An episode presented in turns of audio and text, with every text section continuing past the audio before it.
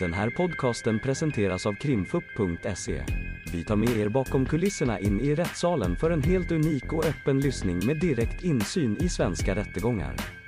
Vi vill varna för känsligt innehåll då denna podcastens fokus är brottmål och ljudfiler från verkliga förhör.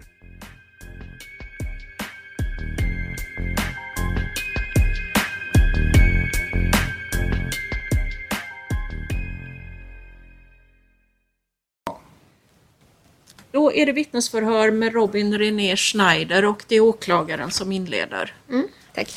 Nej. Ja, hej. Ehm, ja, du vet ju vilken sak, vilken sak det handlar om. Och jag skulle vilja att du först med egna ord berättar så detaljerat du kan om eh, dina iakttagelser. Så, så ställer jag frågor sen.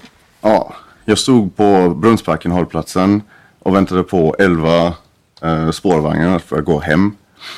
Och ehm, jag, jag fick vända om mig till vänster sidan för jag tyckte någon ramlade på golvet. Sen eh, när jag gick fram så såg jag att det var två vuxna, jag såg inte barnet först.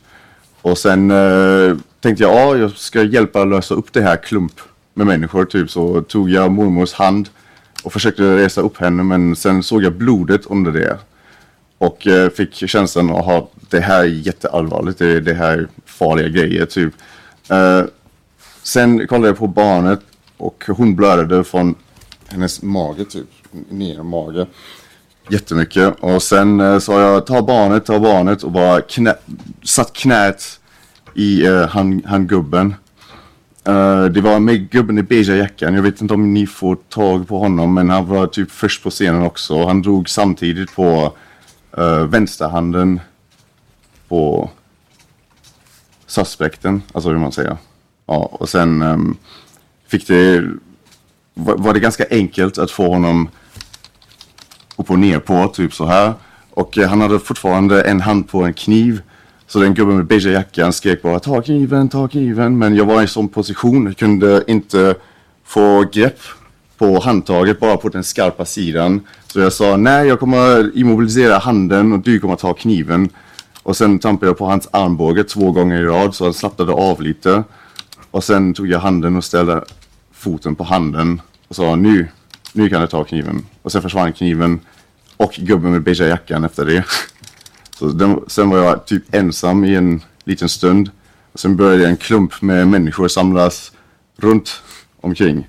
Och de började skrika Varför gör du det så? Varför gör du det så? Och eh, sen började han kämpa igen efter ett tag.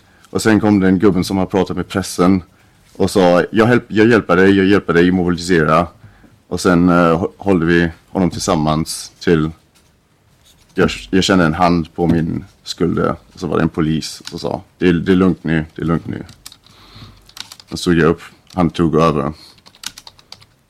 Okej. Ja, Mm, jag har lite frågor. Eh, det, så att jag ställer dem så får vi se om du, om du minns. Mm.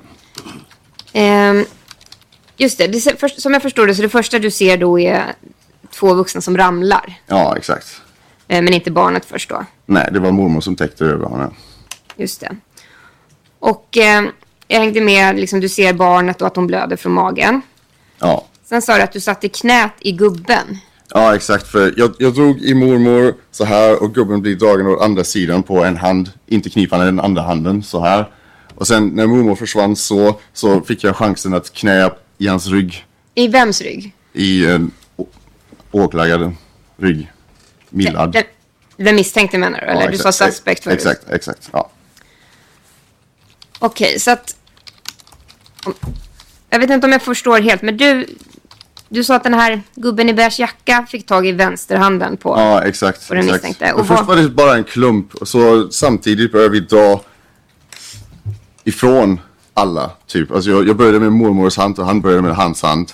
Och sen blev han typ obalanserad för han var på, på marken redan. Så han drog på handen så här och sen fick vi knät på ryggen på honom. Så jag var helt immobiliserad typ direkt. Okej. Ja. Fick, tog du tag i den misstänkte på något vis när du, för att dra undan, eller hur?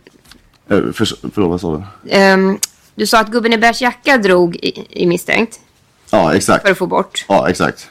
Drog du tag i, i misstänkt på något vis? Eller är det det första du gör att sätta knät i ryggen på honom? För, för, första jag gjorde var att sätta knä på ryggen. Sen för, försöka ta knivhanden men kunde inte riktigt nå på något eh, safe sätt. Typ så, så var det att jag fick trampa på armbåge och sen immobilisera handen. ehm, för- för du, som, du sätter knät eh, eh, i ryggen på Ja. misstänkt. Och sen så gjorde du liksom, visade du att han hamnade upp och ner och så gjorde du så här upp med händerna. Ja exakt, han, han hamnade med, med ansiktet mot eh, marken. Och händerna, En hand på kniven så, en hand i handen på beige jacka, gubben, typ. okej. Ja, helt, helt ifrån så här. Och i vilken hand har han kniven? Eh, I högra handen. I höger handen. Ja.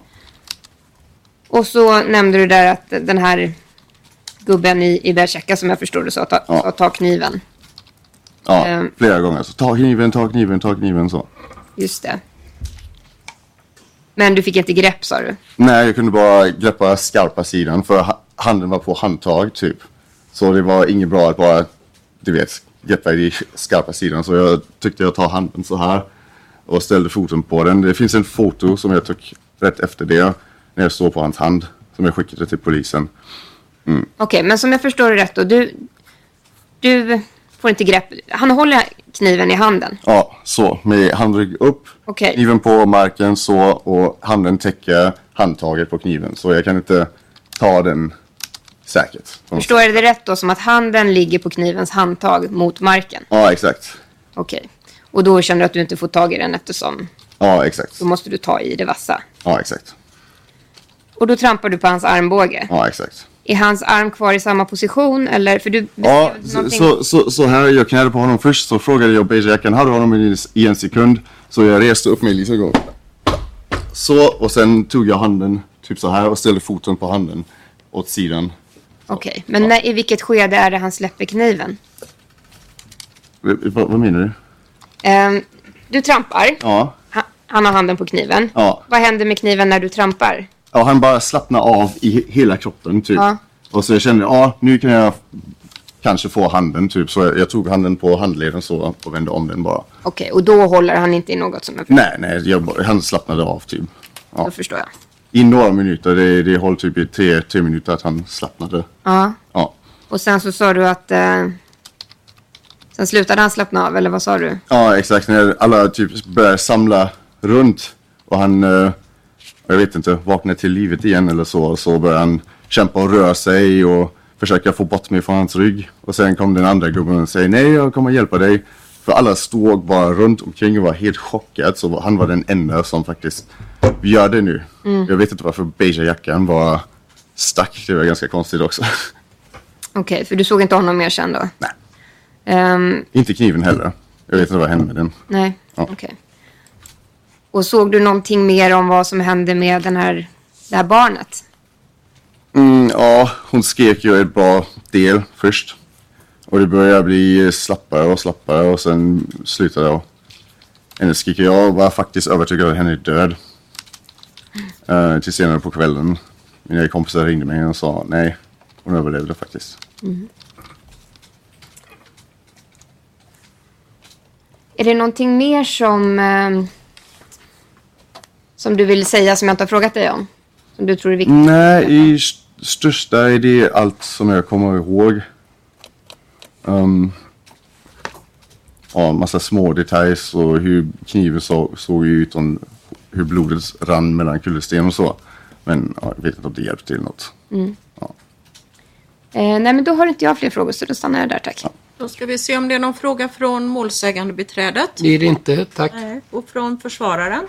Egentligen bara någon fråga. Du, eh, var det någon annan som utövade något våld mot den här mannen när han låg ner? Ja, det var kidsen som eh, började sparka honom i ansiktet typ. Okej. Ja, Och det här att han sen började reagera igen, kan det ha hängt berott på att han blev sparkad på? ja exakt. exakt det, det tror jag. Det, det vaknade upp honom, honom typ att det, ja, nu fan. Ja. Jag förstår.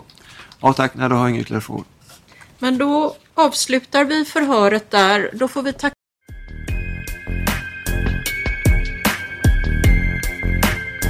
Ni har lyssnat på ett avsnitt av Krimfupps podcast. Tipsa gärna oss på krimfupp.se om det är någon speciell rättegång ni skulle vilja höra. Tack för att ni har lyssnat.